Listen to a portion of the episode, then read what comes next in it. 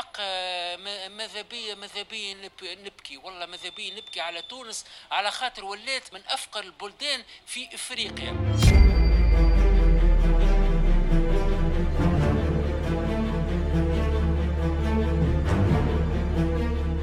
أن اندلعت ثورة الربيع العربي كما يحلو للبعض تلقيبها انقلبت الموازين في تونس الموازين السياسية الاجتماعية وخاصة منها الاقتصادية. في تونس نتحدث اليوم عن أزمة بكل المقاييس بما أن الاقتصاد التونسي يشهد أشد فترات الانكماش خاصة بعد سنة ونصف تقريبا من هجوم فيروس كورونا على العالم وتغييره لكل المقاييس. هكذا أصبح التحدي أشد شراسة أمام الحكومات المتعاقبة على السلطة في تونس. وبين كثرة الأزمات وقلة الحلول يختزل التونسي واقعه اليومي. وأما عن الخبراء الاقتصاديين في تونس وفي العالم العربي وحتى في العالم من من حللوا وضعية اقتصاد تونس حاليا فهم يتفقون فعلا على رأي واحد وهو أن تونس تواجه هذه الفترة تحديات اقتصادية واجتماعية أكبر مما توقعت الحكومة. والطبقة السياسية في تونس. وكل هذا طبعا في ظل شلل الإنتاج ومؤشرات انكماش حادة. وهذا فضلا على احتقان اجتماعي كبير وذلك بسبب ارتفاع نسبة البطالة في تونس وكذلك ارتفاع نسبة الإجرام. في حين أن القدرة الشرائية للمواطن التونسي تشهد أسوأ حالاتها. الأغلبية من المواطنين التونسيين في هذه الأيام ليس لهم حديث سوى ذلك الذي يعكس تخوفهم الشديد من أن تلاقي تونس نفس المصير الذي لاقته شقيقتها لبنان. فالسؤال الذي يطرحه التونسيون اليوم هل أن تونس قريبة من فرضية الإفلاس؟ أم أنها ما تزال بعيدة؟ هذا أخطر ما يمكن الحديث عنه هذه الأيام خاصة بعد المصادقة على ميزانية سنة 21 و2000 من قبل مجلس النواب التونسي. ميزانية تسجل عجزا واضحا ومحاولة لجوء أخيرة إلى الاقتراض من البنوك الداخلية وهي مرحلة لم تصل إليها تونس منذ عشرات السنين قبل هذه الفترة. في حلقة اليوم من بودكاست في عشرين دقيقة نسلط الضوء على هذه القضية ونسلط الضوء أكثر على الوضعية التونسية اقتصاديا واجتماعيا. لن نتحدث في السياسة ولكننا سوف نقدم لكم أرقاما تعكس واقع وحقيقة الطبقة الاقتصادية ووضعية البلاد الحالية.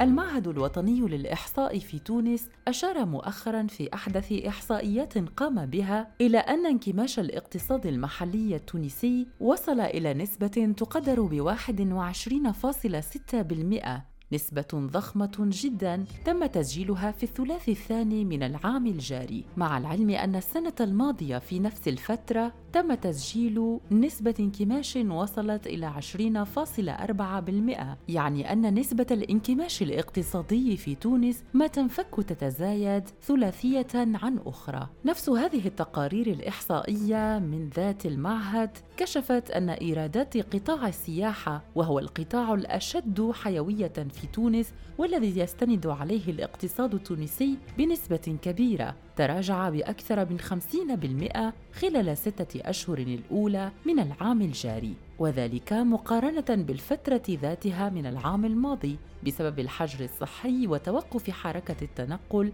بين تونس ودول أخرى. تونس تعد وجهة سياحية أولى بالنسبة لعديد الجنسيات خاصة تلك التي تعيش على ضفاف البحر الأبيض المتوسط، وهو ما يفسر عجز الميزانية التونسية الحالية والميزانية القادمة التي تمت المصادقة عليها منذ بضعة أسابيع. الارتباط بين قطاع السياحة والاقتصاد التونسي والحالة التي يتواجد فيها ميزان التجارة في تونس علاقة واضحة جدا بما أن السياحة هي المصدر الرئيسي لجلب العملة الصعبة لتونس.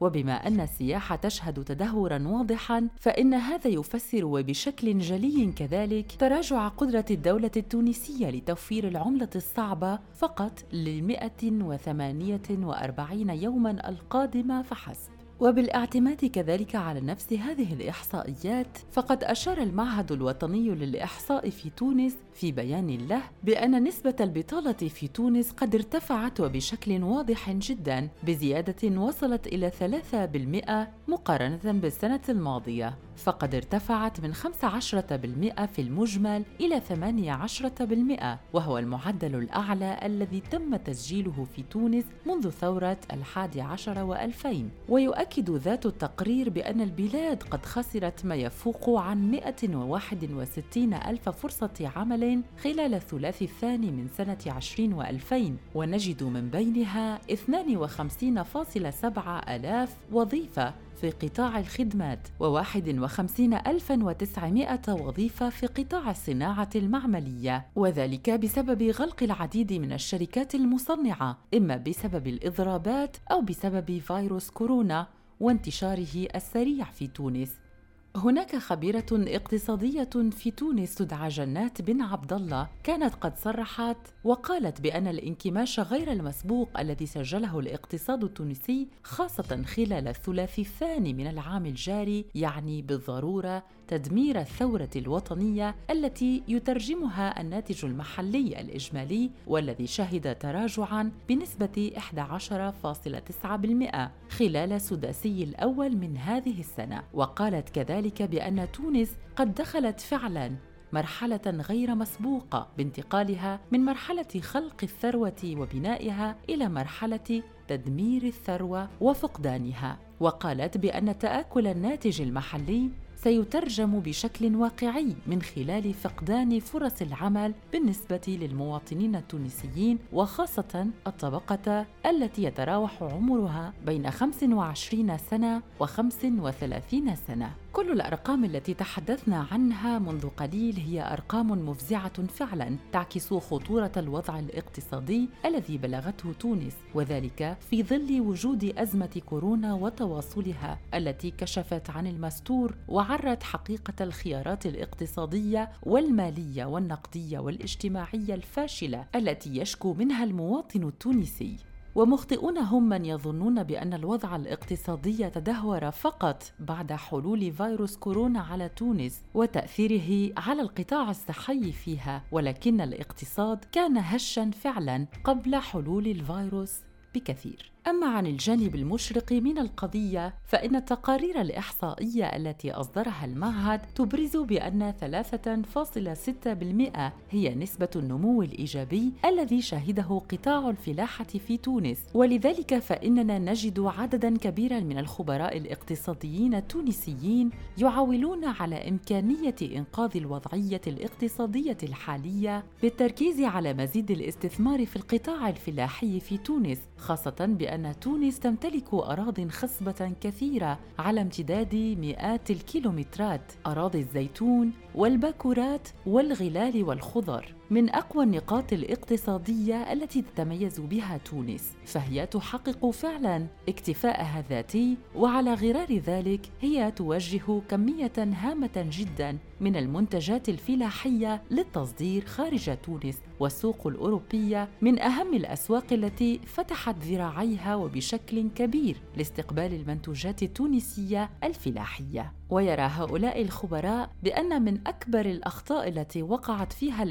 الاستراتيجيات التونسية المتعاقبة والمختلفة هي توفير كل الاهتمام للقطاع السياحي ونسيان القطاع الفلاحي. وبالدليل القاطع يواجه القطاع السياحي في تونس اليوم شبه الانقراض. مواطن شغل كثيرة تم فقدانها في هذا القطاع على غرار غلق مؤسسات مختلفة مثل النزل والمراكز الترفيهية وحتى المراكز الاستشفائية الطبيعية المخصصة لاستقبال سياح من خارج تونس. وأما لمن يتساءل عن حال الاستثمار في تونس فقد تراجع تكوين رأس المال الثابت وهي قيمة الادخار الوطني الصافي من عشرة ألاف وأربعمائة واثنان مليون دينار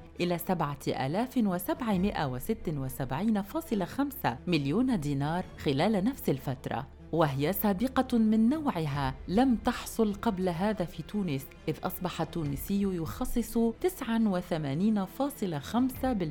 من مدخوله لاستهلاك المواد والخدمات الأساسية والحساسة. وبذلك لم يعد قادرا بالمرة على الادخار. وقد انجر عن هذا الوضع تراجع نسبة الاستثمار من 21.9% إلى 15.6% حاليا. وبالتالي فإن نقص مواطن الشغل المحدثة إلى معدل 49600 موقع عمل سنويا كانت نتيجة ضعف التوظيف في القطاع الخاص والتوقف النهائي لنشاط حوالي 5000 مؤسسة فضلا عن تعطل إحداث ما يقارب عن سبعة آلاف منشأة اقتصادية كانت سترى النور قريبا لولا صعوبات اقتصادية بالجملة. وزاد على ذلك فيروس كورونا. هناك بيانات مؤكدة أثبتت بأن 90% من نوايا الاستثمار في شتى القطاعات لا ترى النور أبدا ولا تتجسم إطلاقا علما أن قيمتها لم تتجاوز في قطاعي الصناعة والخدمات كميدانين استثماريين أساسيين 2950.3 مليون دينار قبل سنة ونصف تقريبا أي قبل فيروس كورونا. وزارة المالية التونسية وفي الفترة الفارطة من فكت تحذر من أن قيمة عجز الميزانية قد بلغ 3847 مليار دينار بنهاية النصف الأول من هذا العام مقارنة بعجز قيمته 2463 مليار دينار في نهاية النصف الأول من السنة الفارطة. وأما عجز الميزانية التونسية المتزايد قد تم إرجاعه إلى قيمة إجمالي الموارد والهبات في النصف الأول من هذه السنة التي وصلت إلى 11.85% على أساس سنوي لتصل إلى 14.105 مليار دينار مقارنة بنحو 16 مليار دينار في النصف الأول من العام الماضي. الهبات المالية والقروض الكبرى التي كانت البلدان المختلفة خاصة منها الأوروبية وهي الأقرب إلى تونس نذكر على سبيل المثال فرنسا التي ومؤخرا تراجعت عن تقديمها لمساعدة مالية ضخمة لتونس وذلك بسبب الظروف الأمنية والاقتصادية المتراجعة. بما أن البلدان المقرضة أو التي تقدم هبات لبلدان أخرى ترغب اولا في رؤية إصلاحات مختلفة في قطاعات معينة ولكن هذا لم يكن الحال بالنسبة لتونس. فاقتصادها في تراجع وذلك باد من خلال النسبة المرتفعة جدا للبطالة خاصة بالنسبة لأصحاب الشهائد العليا في تونس. المواطن التونسي يحتج بشكل يومي على هذه الوضعية الاقتصادية العصيبة التي تمر بها البلاد ويمر بها المواطن التونسي بالتالي ولكن بشكل أعمق وأخطر. ما يقارب 300 آه، ألف آه، صاحب شهادة معناها معطل العمل. إلى حد الآن ليست هناك حلول جذرية وكلما طالبنا بمناها مقترحات لمناها الحلحات الأوضاع إلا وتم تقديم مقترحات أخرى مناها من قبيل أنه ثم أولويات أخرى والإرهاب والأمن وما إلى ذلك. مشكلتنا إحنا في تونس. المشكلة الكبيرة أن نقروا توسكي نظري فهمتني؟ ما فماش حاجة نطبقوها على على أرض الواقع فهمتني؟ صاحب المؤسسة يلزم يشوف منك إنتاج هو من النظرة الأولى يعني يشوف منك آه، آه، إنك تعاونوا. بالنسبة للخدمة في في تونس ما عندنا معناتها بالنسبة لأصحاب الشهائد العليا ما عندنا حتى حل إلا مراكز النداء للأسف. والخدمة هذه متعبة وتمرض آه، فلوسك الكل يمشيو في في الدويات وفي العلاج وال transport والنقل معناها. حاليا معناها أنا أشوف ان الدولة معناها ما خدتش حتى إجراء معناها باش يشوفون. حتى معناها معناها قامت ثوره وكذا وهيك. آه، يعني ما خديناش حقنا بصراحة. وكل مرة نسمعوا بحكاية معناها هم في مجلس النواب معناها مش يعملوا كذا هم المتخرجين. وإحنا لتو معناها ما رينا حتى شيء. أنا بالنسبة لي أنا نخدم أي حاجة ما مش حتى مشكلة. أما لكن معناها طولت الحكاية. أه ما لقيتش خاطر في بلادنا واحد أه نهار الكل وجه ما يلقاش خدمة.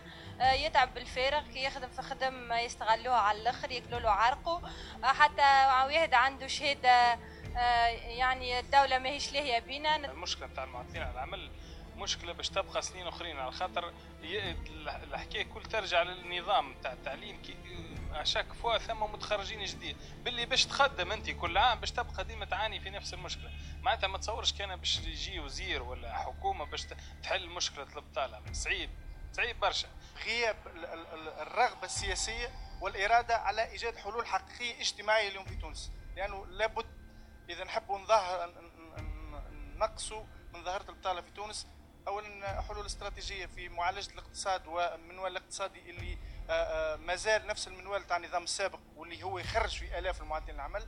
لابد من إصلاح المنظومة التربوية لابد من معادلة الشهائد الجامعة التونسية مع سوق الشغل ثم الحلول المباشرة يعني برصد ميزانات ميزانيات حقيقية في علاقة بخلق مواطن شغل. آه، حاولت بالطبيعه كاي شاب ما ينجمش يبقى قاعد في الدار بحكم زاد إني نعيل في العائلة نتاعي حاولت نخدم أي خدمة كانت تعرضني. ولكن يعني كان كانت الخدمة هذه ما تكفيش حتى الكراء والمصروف اليومي نتاعك. ثم شعور أحباط ثم شعور باليأس. ثم حتى في بعض الأحيان إحنا اليوم نحكيو على محاربة الإرهاب وكل شيء. الشباب يعني اللي مشى للإرهاب هو نتيجة البطاله نقم على البلاد 800 ألف بطال في تونس. ما حوالي 300 ألف بطال صاحب شهادة.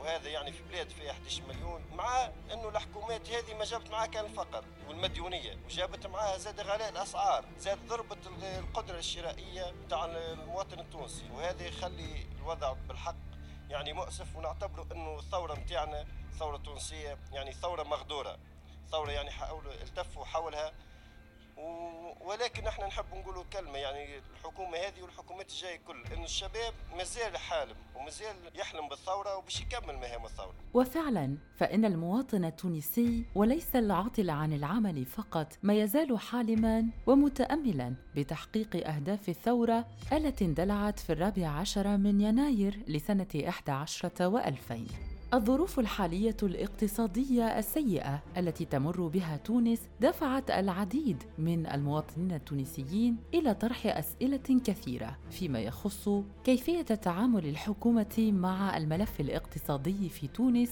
وكيفية توزيع الثروات الحالية وهل سيأتي يوم على تونس تطبق فيه سياسة تقشف قصوى للتمكن من مجابهة أي ظرف طارئ آخر يمس بالاقتصاد التونسي ويزيد من صعوبة الحياة اليومية للمواطن التونسي. شيء أسف شيء أسف. أنا كي نشوف كي نقرأ ونشوف مثل هذه التقارير الحق ماذا بيا ماذا بيا نبكي. والله ماذا بيا نبكي على تونس على خاطر ولات من أفقر البلدان في إفريقيا. والله شيء أسف. الحالة هذه الاجتماعية ترجع لعدة أطراف. من جملتها وزارة الشؤون الاجتماعية الدولة ككل ووزارة الشؤون الاجتماعية بصفة خاصة. على خاطر هذا مش معقول. ولات فما طبقيه طبقية عباد عايشين عايشين عايشين تبارك الله بطبقية عالية ياسر وعباد عايشين حاشاك تحت الصفر. إذا كما سمعتم مستمعينا فإن الأوضاع في تونس تزداد صعوبة يوما بعد يوم. حساسية الاقتصاد أصبحت كبيرة ولكن نحو السلبي لا الإيجابي تخوف كبير جدا من أن يثقل عجز الميزانية كاهل الدولة أكثر فأكثر خاصة كاهل الاقتصاد. وهذا في ظل تحذيرات من البنك المركزي الدولي على لسان محافظه مروان العباسي الذي كنا تحدثنا عن موقفه من عجز الميزانية في حلقة سابقة من حلقات بودكاست في عشرين دقيقة والذي حذر بشكل واضح. بأن البنك المركزي لا يمكن أن يضمن للحكومة التونسية أن يكون خيارها في الاقتراض من البنوك الداخلية خيارا حسنا. وقال بأن هذا يمكنه أن يعمق الهوة أكثر ويسقط الاقتصاد التونسي في فجوة يمكن أن يكون الخروج منها بعد ذلك صعبا جدا. تونس تعيش هذه الأيام أصعب مرحلة من مراحل تاريخها. يعني ورطة في المالية العمومية ورطة كبيرة جدا. هو تقريبا عجز موازنة الدولة في حدود 13.8% من الناتج المحلي الإجمالي. يعني ميزانية الدولة التكميلية لغلق ميزانية الدولة لسنة 2020 هناك زيادة تقريبا ب 9.5 مليار دينار كاملة والنتيجة هو نسبة نمو سالبة ب 7 إلى 7.3%